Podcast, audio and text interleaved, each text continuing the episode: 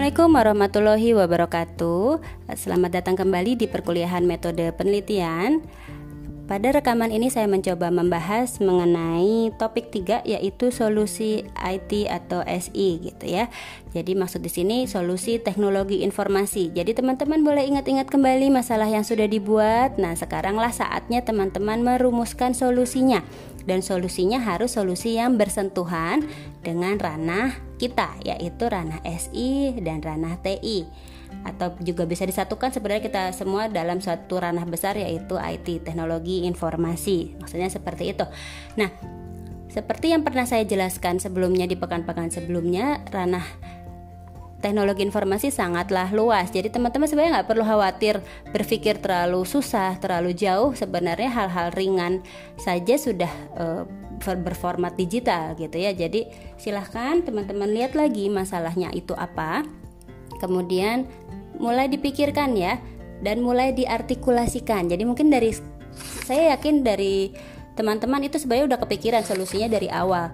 Tapi coba tuliskan, bisa nggak solusimu kamu tuliskan. Nah, kayak itu ya sebenarnya sekali lagi yang sulit di perkuliahan ini bukan nyari masalah, bukan apa, tapi menuliskannya lagi karena menuliskan itu artinya bukan sekedar kita tulis tapi kita harus bisa menulis yang sampai orang lain paham. Kayak gitu ya. Nah, eh, apa syarat sebuah solusi SI atau TI itu? Yang pertama adalah tuliskan, jelaskan dengan lengkap. Jadi misalkan gini, masalahnya uh, banjir. Terus ya udah nanti saya mau bikin aplikasi Android buat membantu si banjir. Nah itu kan gak lengkap. Maksudnya aplikasi Android yang kayak gimana? Terus aplikasi Androidnya yang buat apa, siapa yang pakai gitu ya. Memang kita tidak perlu merinci sampai semua fiturnya, tapi harus jelas. Oh aplikasi yang dibuat maksudnya aplikasi monitoring, basisnya basis uh, eh, HP, jadi kita pakai Android misalkan. Kemudian uh, nanti penggunanya kira-kira adalah Pemda misalkan kayak gitu. Jadi sedikit dijelaskan lebih baik sehingga orang lain yang membaca itu paham solusi yang kita ajukan. Sekali lagi teman-teman belum perlu sekarang sampai nanti daftar fiturnya ABC itu boleh sampai situ. Tapi sekarang belum kok. Yang penting itu teman-teman bisa mendeskripsikan dulu solusi yang saya ajukan tuh ini, teknologi yang dipakai ini. Nah, uh, karena kita ranahnya SI TI gitu ya jadi teman-teman juga perlu menyatakan solusinya dengan jelas teknologi yang dipakai apa. Jadi nggak bisa kayak gini contohnya. Nanti saya uh, solusinya akan bikin website uh, website edukasi supaya orang-orang nggak buang sampah sembarangan untuk menyelesaikan masalah terkait banjir. Misalkan gitu. Udah Nah, itu kalau itu kalau orang non IT boleh nulisnya kayak gitu. Tapi buat orang-orang TI dan SI harus jelas. Saya akan membuat sebuah website menggunakan framework A misalkan, menggunakan tools A misalkan gitu ya, framework. Mungkin CI atau Laravel atau apa ya. Kemudian atau menggunakan yang tools yang sudah ada misalkan WordPress dan lain-lain. Yang penting teman-teman tuh tahu nanti pas bikin saya tuh pakai apa aja gitu. Nah, itu taunya dari mana? Belum belajar. Ya memang nggak perlu sampai diajarin. Kuncinya apa? Baca gitu ya. Jadi silahkan cari-cari. Kira-kira kalau mau bikin aplikasi website bisa pakai apa aja ya gitu. Kalau mau bikin aplikasi berbasis Android pakai apa aja ya perlunya? Uh, misalkan uh, toolsnya nanti apa? Alat simulasinya apa? Gitu. Dan lebih baik lagi jika kita bisa spesifikkan nanti sebenarnya Androidnya ini specifically untuk kalangan yang seperti apa gitu ya. Kemudian eh, yang berikutnya harus tepat guna. Jadi pastikan solusi kalian sama masalah kalian itu klop, nggak satunya ketinggian, nggak satunya kebesaran gitu istilahnya.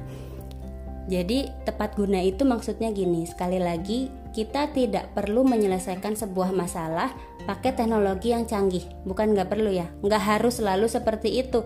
Yang perlu kita tekankan adalah solusi yang kita buat ini dalam uh, analisis kita itu bisa kok menyelesaikan gitu ya cukup kok menyelesaikan jadi misalkan dengan fitur A dan B itu cukup nggak perlu kita sampai bikin C D E misalkan kayak gitu tapi bagus bu. CDE itu kan pakai teknologi terkini keren dan lain-lainnya. Tapi emak orangnya butuh nggak? Takutnya ketika kita bikin barangnya terlalu canggih malah masalahnya nggak selesai karena orangnya nggak bisa pakai. Maksudnya tuh seperti itu tepat guna.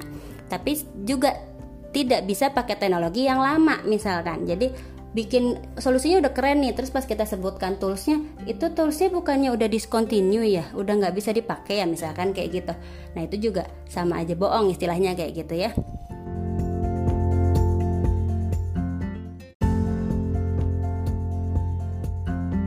Nah, kemudian kelayakan. Sekali lagi ini sama kayak waktu kita mencari uh, atau mereview masalah kelayakan atau visibility yaitu solusi yang dikerjakan itu mungkin loh, mungkin dikerjakan. Jadi kita merancang nanti sebuah solusi IT keren gitu. Ini mungkin nggak sih dikerjakan? Mungkin Bu 20 tahun pasti selesai ya, jangan juga. Penelitian itu berbatas waktu. Ya, kalau orang bilang penelitian itu sebaiknya dalam waktu enam bulan sampai setahun untuk term ya. Jadi bukan kita bilang orang kayak bikin vaksin, orang kayak bikin obat itu setahun enggak. Tapi penelitiannya memang dikat-kat per per term gitu. Jadi penelitian setahun pertama itu bisa saja kajian A.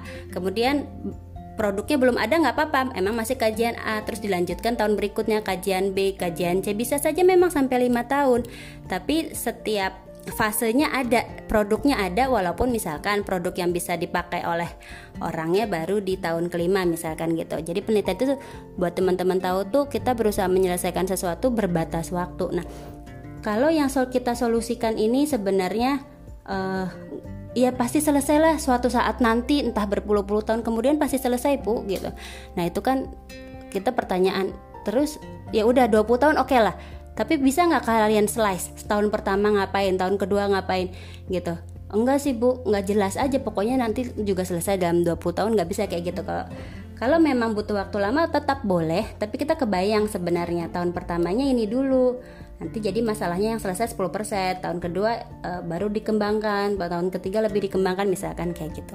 Jadi pastikan masalah kalian dan solusi yang ditawarkan itu visible. Mungkin dilaksanakan Nah, kan teman-teman sekali lagi tidak harus bikin, tidak harus barangnya nanti jadi, tapi tetap kita butuh merancang solusi itu visible. Jadi kita tuh nggak bisa nanti kita jadi analis kemudian nih hasil analisnya tolong di coding kita kasih gitu ya ke programmer. Ini tuh nggak visible, misalkan programmernya bilang kayak gitu. Visible kok bisa kok. Nah, uh, tugas analis lah yang menilai sebenarnya ini visible nggak sih? Karena kalau kita membuat solusi yang wah banget untuk menyenangkan klien padahal itu tidak visible maka yang kita rugikan siapa? Teman-teman kita yang di programmer. Ini tuh nggak mungkin tahu dikerjakan. Teknologinya nggak nyampe misalkan kayak gitu. Nah uh, itu maksudnya visible. Jadi mungkin loh ini tuh dikerjakan dengan segala resource yang saat ini ada. Karena memang uh, dikerjakannya saat ini misalkan kayak gitu. Nah, itulah uh, yang perlu diperhatikan buat teman-teman dalam menganalisis solusi SI atau TI terkait masalah yang teman-teman ambil. Jika kesulitan mencari solusinya, nah inilah saatnya teman-teman masih boleh switch ke masalah lain yang sebenarnya kalian bisa cari solusinya. Karena yang penting kemarin kan kita latihan doang, latihan saja bagaimana mengartikulasikan masalah. Seperti saya bilang masalahnya masih berubah-berubah sampai sekarang juga nggak apa-apa. Nah itu silahkan dinyamankan, kemudian dikerjakan.